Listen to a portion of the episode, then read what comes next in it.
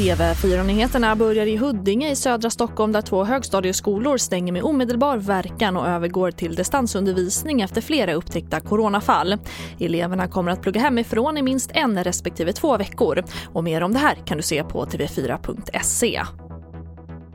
Och sen till USA där president Donald Trump under ett valmöte i natt riktade skarp kritik mot att poströster godkänns efter valet i flera delstater och anser att valresultatet ska vara klart på valnatten.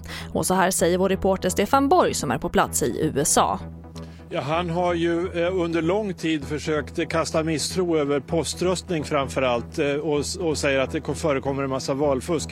Men det är ju känt att det är olika regler i olika delstater. Eh, på en del håll så kommer man att räkna i princip allting på valnatten.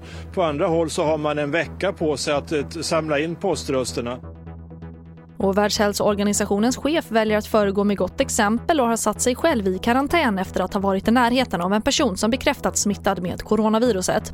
Han säger i ett Twitterinlägg att han mår bra och inte har några symptom men att det gäller att bryta smittkedjor för att få bukt med viruset. TV4-nyheterna, jag heter Charlotte Hemgren.